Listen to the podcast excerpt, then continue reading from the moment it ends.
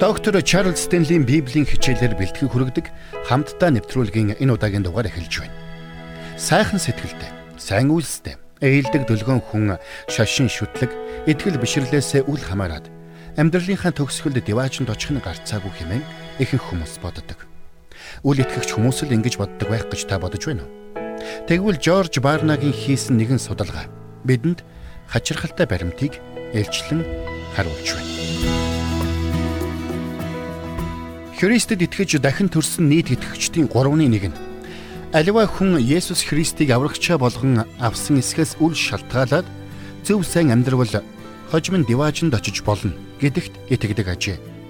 Тэгвэл ингэж бодох нь ноцтой алдаа болохыг доктор Стенли бидэнд анхааруулж байна. Ингэхдээ шашинлаг боловч авралыг олоогүй нэгэн авралыг авах боломжгүй гэдгийг батлан өгүүлэх болно. Ингээд хамтдаа доктор Стенли ярианд анхаарлаа хандуулцгаая.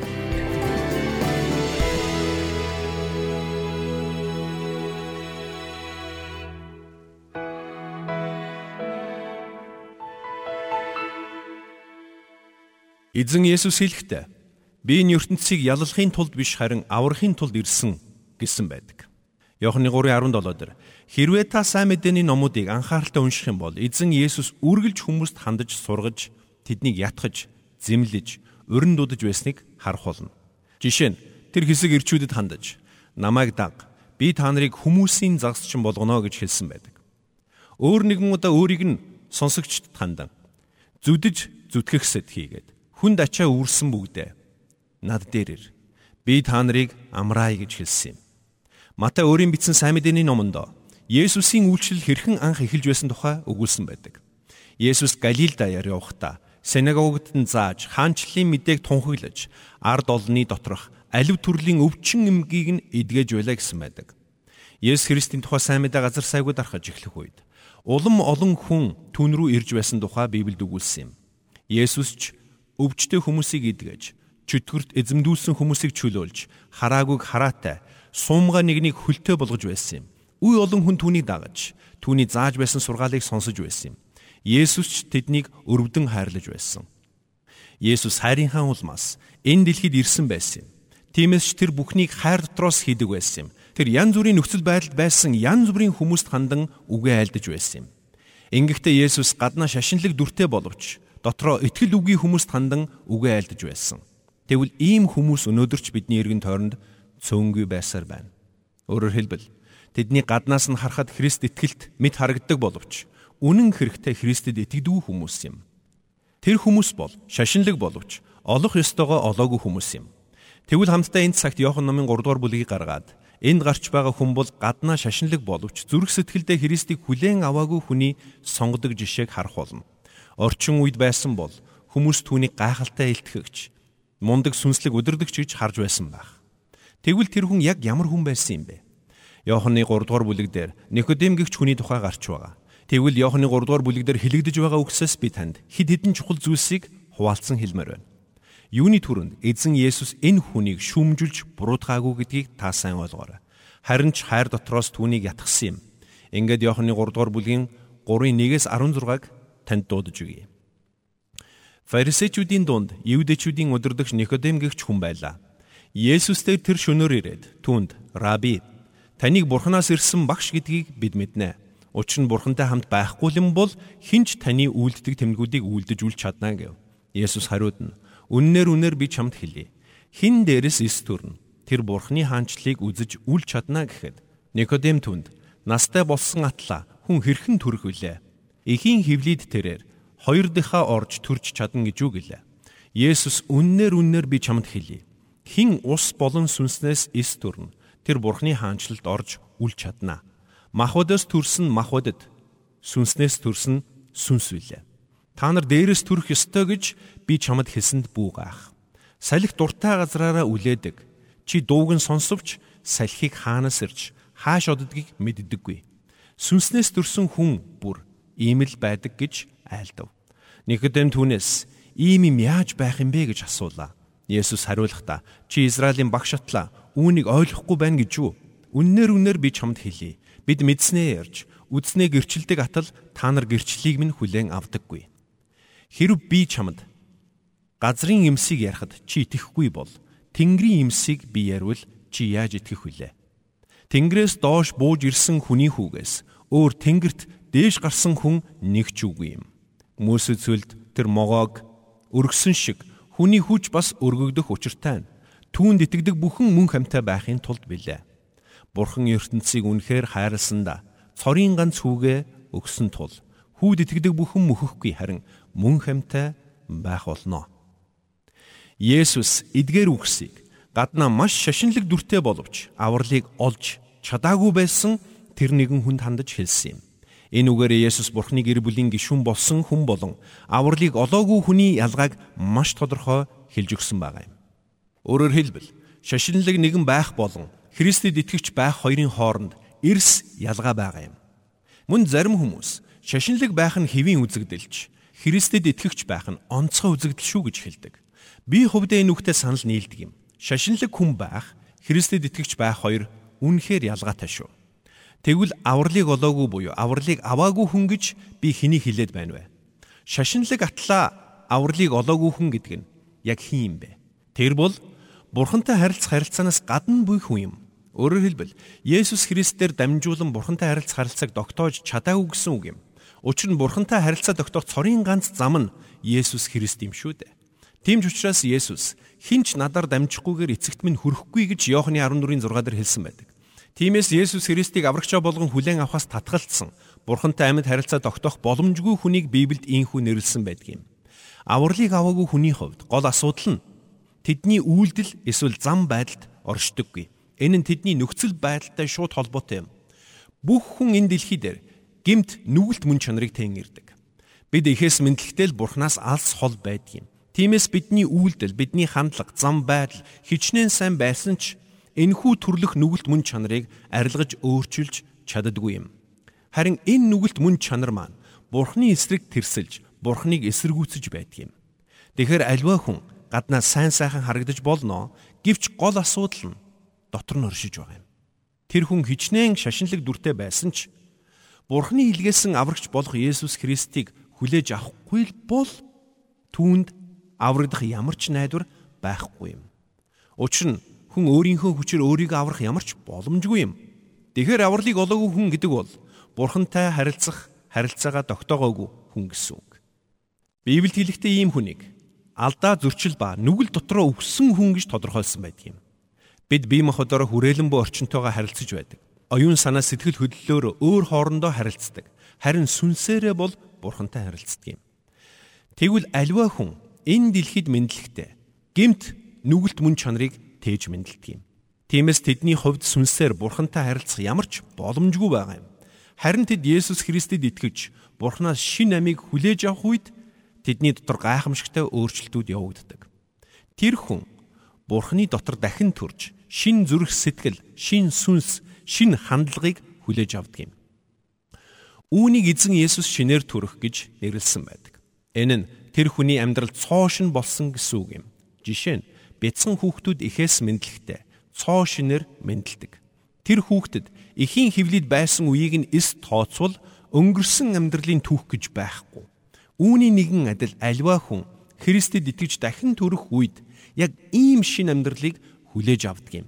Түүний бүх зүйл цоошин болон хувирдаг юм аа. Түүний бурхантай харилцах харилцаа өөрчлөгдөж, мөн түүний хандлагч өөрчлөгддөг юм. Үүнийгэ дагаад тэдний зам байдал бие авч явах байдалч айжмаар өөрчлөгдөх болно. Тэгвэл хин дээрээс эс төрн тэр бурхны хаанчлыг үзэж үл чаднаа гэсэн ямар утгатай вэ? Энэ нь та дахин төрхөөс нааш бурхантай харилцах харилцаагч, бурхны ажлуудыгч, бурхны хаанчлыгч ойлгож чадахгүй гэсэн үг юм. Тэгвэл эзэн Есүс бурхны хаанчлал гэж яг юу хэлсэн юм болоо?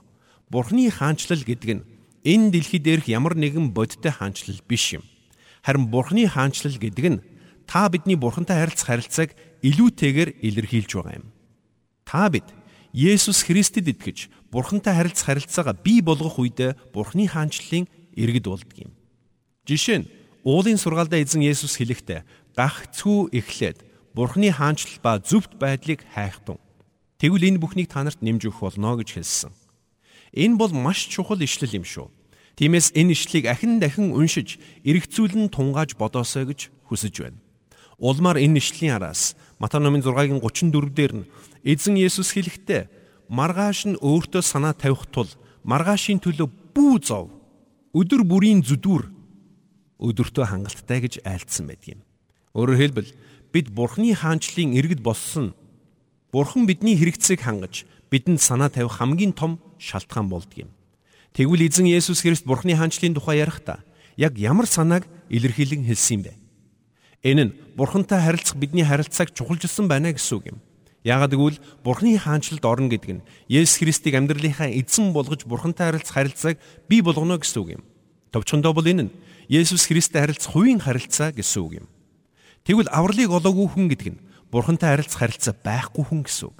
Тэр хүн Бурхантай харилцах харилцаа байхгүй учраас Бурхны хаанчлалыг ойлгож чадахгүй гэсэн үг.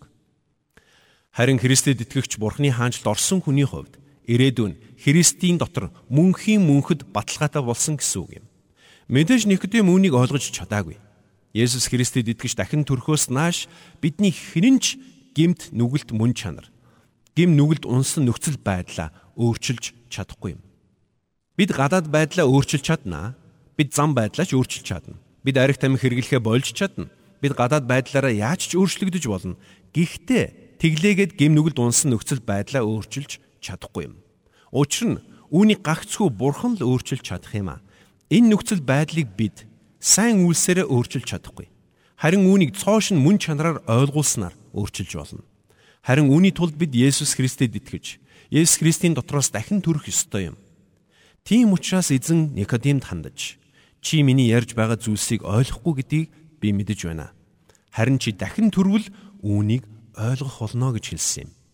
Гэхдээ энэ бие махбодын төрөлтөөс тис өөр зүйл юм шүү гэж хэлсэн. Бие махбодын төрөлт нь тухайн хүнд махбодын хувьд цоошин эхлэлийг өгдөг юм. Харин бид энд тис өөр зүйлийн тухай яриад байна. Хэрвээ бид Христийн дотроос дахин төрөх гэдэг ойлголтыг бие махбодын ямар нэгэн зан үйлтэй холбож ойлгох юм бол энэ нь эндүрл болно. Жишээ нь зарим хүмүүс би баптизм хүртсэн учраас дахин төрсөн гэж хэлдэг.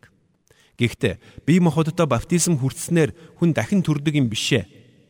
Яг гэвэл дахин төрөлт нь сүнслэг өөрчлөлт юм. Мэдээж баптизм нь Бурхны ажил мөн Хэрвээ аливаа хүн дахин төрсөн бол тэр хүний дотор олонний өмнө итгэлээ тунхаглаж баптизм хүртэх хүсэл төрөх болно. Харин Есүс Христэд итгээгүй атлаа баптизм хүртэх нь юу ч өөрчлөхгүй. Баптизм гэдэг нь тухайн хүн Христийн үхэлтэй холбогдож түүнтэй хамт шин амьдрал руу алхан ордог гэдгийг илтгэх тунхаглал болохоос дахин төрөлт биш юм. Тиймээс Есүс үүнийг сүнслэг өөрчлөлт юм шүү гэдгийг маш тодорхой сануулсан байна. Хамтдаа Иохны 3:5-ыг дахин нэг уншийе.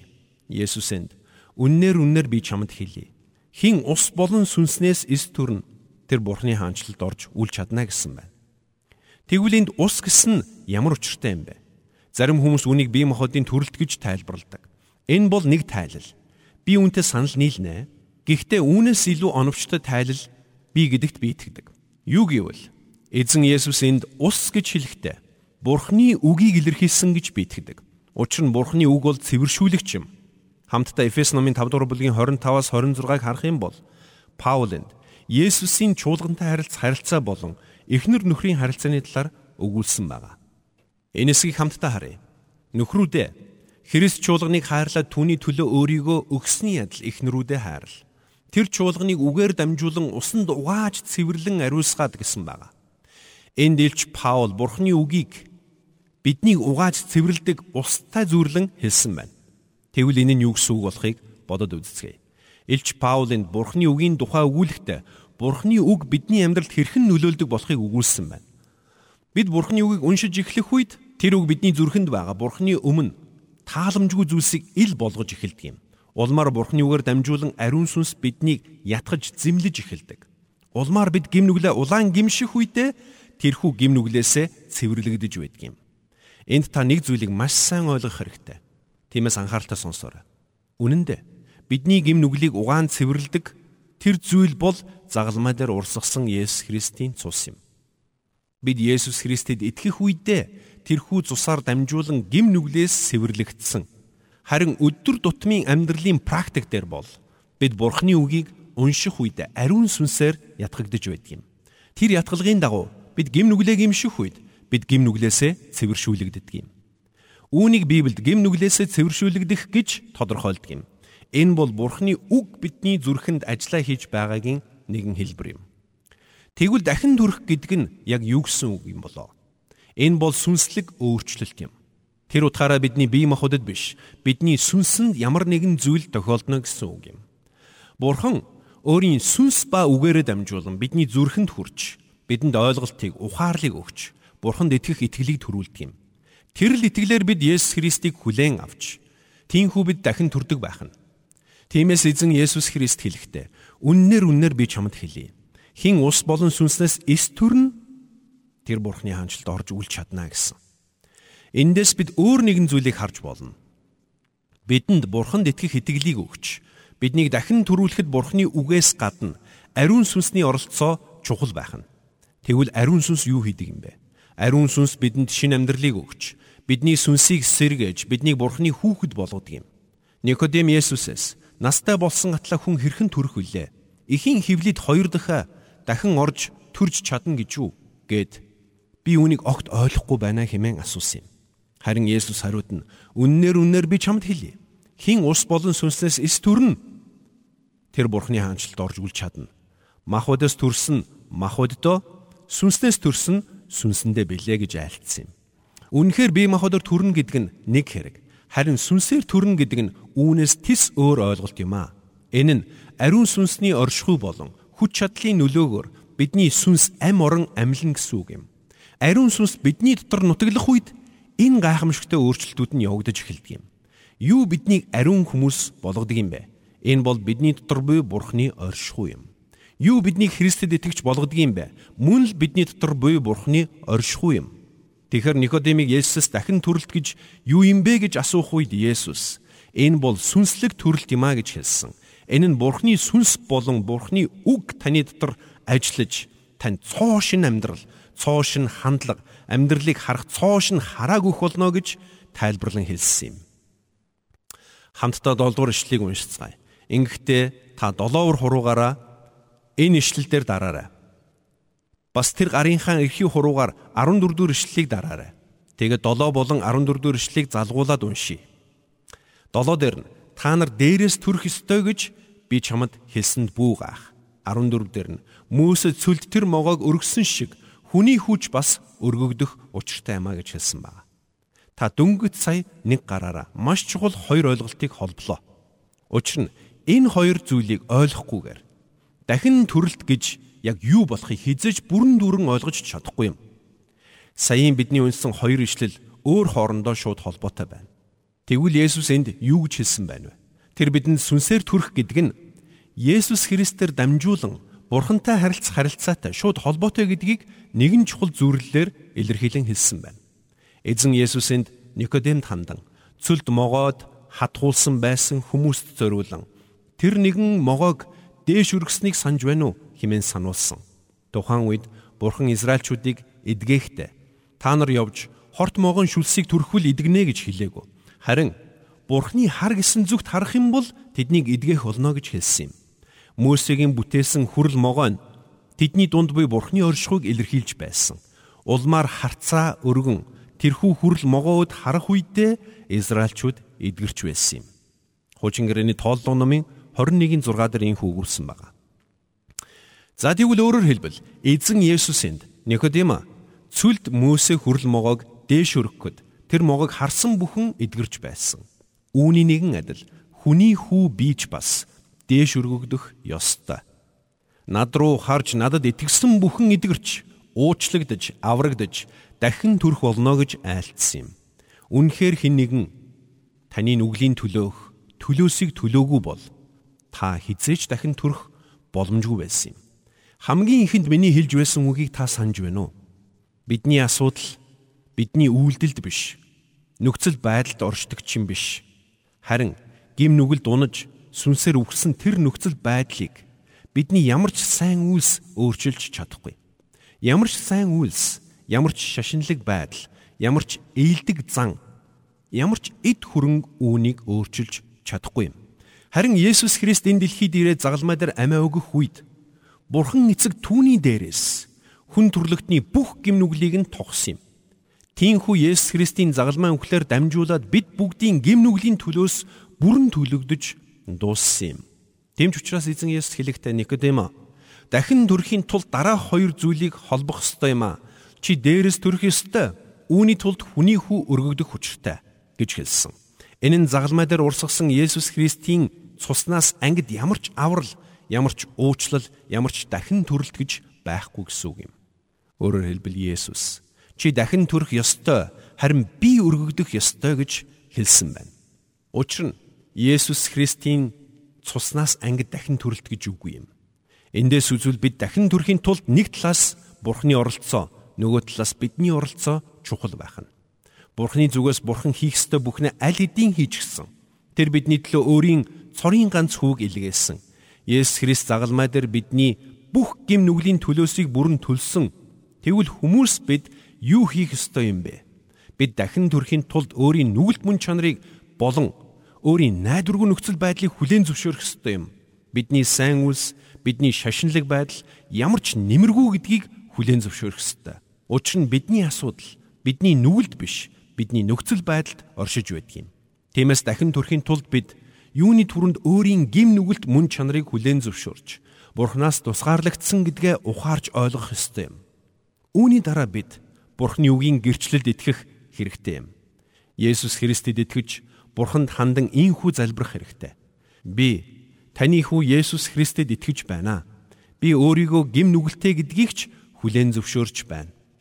Миний төлөө загалмай дээр амиа өгч, миний гим нүглийн төлөөсийг бүрэн төлсөн Есүс Христэд би итгэж байна Би түүнийг аврагч эзнээ болгон хүлээн авч байна. Тинхүү би дахин төрсөн гэдэгтээ итгэж байна хэмээн залбирах хэрэгтэй. Энэ бүхний ганц үйлбэрээр илэрхийлбэл Есүс Христ таны гим нүглийн төлөөсийг бүрэн төлсөн гэдэгт итгэж түүнийг аврагч эзнээ болгон хүлээн авсан гэсэн үг юм. Чухамда үүнийг л дахин төрөлт гэж нэрлээд байгаа юм. Та үнийг оюун ухаанаараа ойлгох боломжгүй. Үнийг зөвхөн итгэлээр л ойлгох боломжтой юм. Учир нь Бурхны хаанчлыг ойлгохын тулд та эхлээд Бурхны хаанчлалд орох хэрэгтэй. Харин Бурхны хаанчлалд орно гэдэг нь та эхлээд Бурхны хүү Есүс Христийг аврагч эзнээ болгон хүлээн авах хэрэгтэй. Хамт залбирцгаая. Бурхан эцэг минь намайг сонсож байгаа хүн нэг бүрийн төлөө би залбирч байна. Өнөөдөр эзэн Есүс Христийг хараахан аврагчаа болгон хүлээж аваагүй, амжаагүй яваа тэр хүмүүсийн төлөө онцгойлон залбирч байна. Ариун сүнс бурхан байна. Та тэр хүмүүст хаа байгаа газарт нь яг одоо хүрч Бурхны өмнө гим нүглээ гимшин Есүс Христийг аврагчаа болгон хүлээн авах тэрл залбирлыг хийхэд нь хөтлөн дагуулж өгөөч. Би таныг аврагчаа болгон хүлээн авч байна. Таны загалмай дээр урсгасан цус намайг гим нүглээс минь бүрэн чөлөөлсөн гэдэгт итгэж байна хэмээн залбирхад нь та туслаач та тэр бүх хүмүүсийг танд итгэж энэ л итгэл дотроос дахин төрөхт нь туслаач. Баярлалаа бурхан минь. Таны агуу үйлсийн төлөө танд талархаж байна. Эзэн Есүсийн нэрээр залбирлаа. Аамен. Аврал нь зөвхөн Есүс Христээр дамжуулан ирдэг гэдгийг доктор Стенли бидэнд тодорхой тайлбарлаж өглөө. Библич бас үүнийг батлан хэлдэг. Үнэхээр мөнхийн улс бол сайныг үйлддэг эсвэл шашинлаг хүмүүсийн ордог газар биш. Гагцхүү Есүс Христэд итгэж түүний төлсөн төлөөсөөр дамжуулж гим нүглээ үрд уучлуулсан тэр хүмүүсийн орох газар юм. Библиэд хэлэхдээ аврал бол Бурхны бэлэг гэсэн байдаг. Учир нь энэ нь бидний үйлдэлээс хамааралгүйгээр зөвхөн Бурханаас ирдэг тэр зүйл юм. Тиймээс ч Тит 3-ын 3-аас 7-д инхүү өгүүлсэн байдаг үлээ. Учир нь бид бас өөрсдөө урд нь мунхаг дуулуургүй мэхлэгдсэн зүсэн бүрийн хүсэл тачаал хийгээд зугаа цэнгэлд боолчлогдсон муучлал болон ата жөтөө дотор амьдралаа өнгөрөөн бие биенээ үзен ядаж үзен ядагдж байв. Харин бидний аврагч бурхны инэрл болон хүний төлөөх хайр нь ил болоход тэр биднийг зөвд байдлын дотор хийсэн үйлсээр минь бус харин өршөөлийнхөө дагуу шинтгэлийн угаал ба ариун сүнсний шинчиллээр аварсан юм. Тэрээр ариун сүнсийг бидэн дээр аврагч Есүс Христээр маань дамжуулан ариун асгав. Түүний нэгүслэр зөвтгөгдснөөр бид мөнхийн амийн найдварын дагуу өвлөгчд болох юм.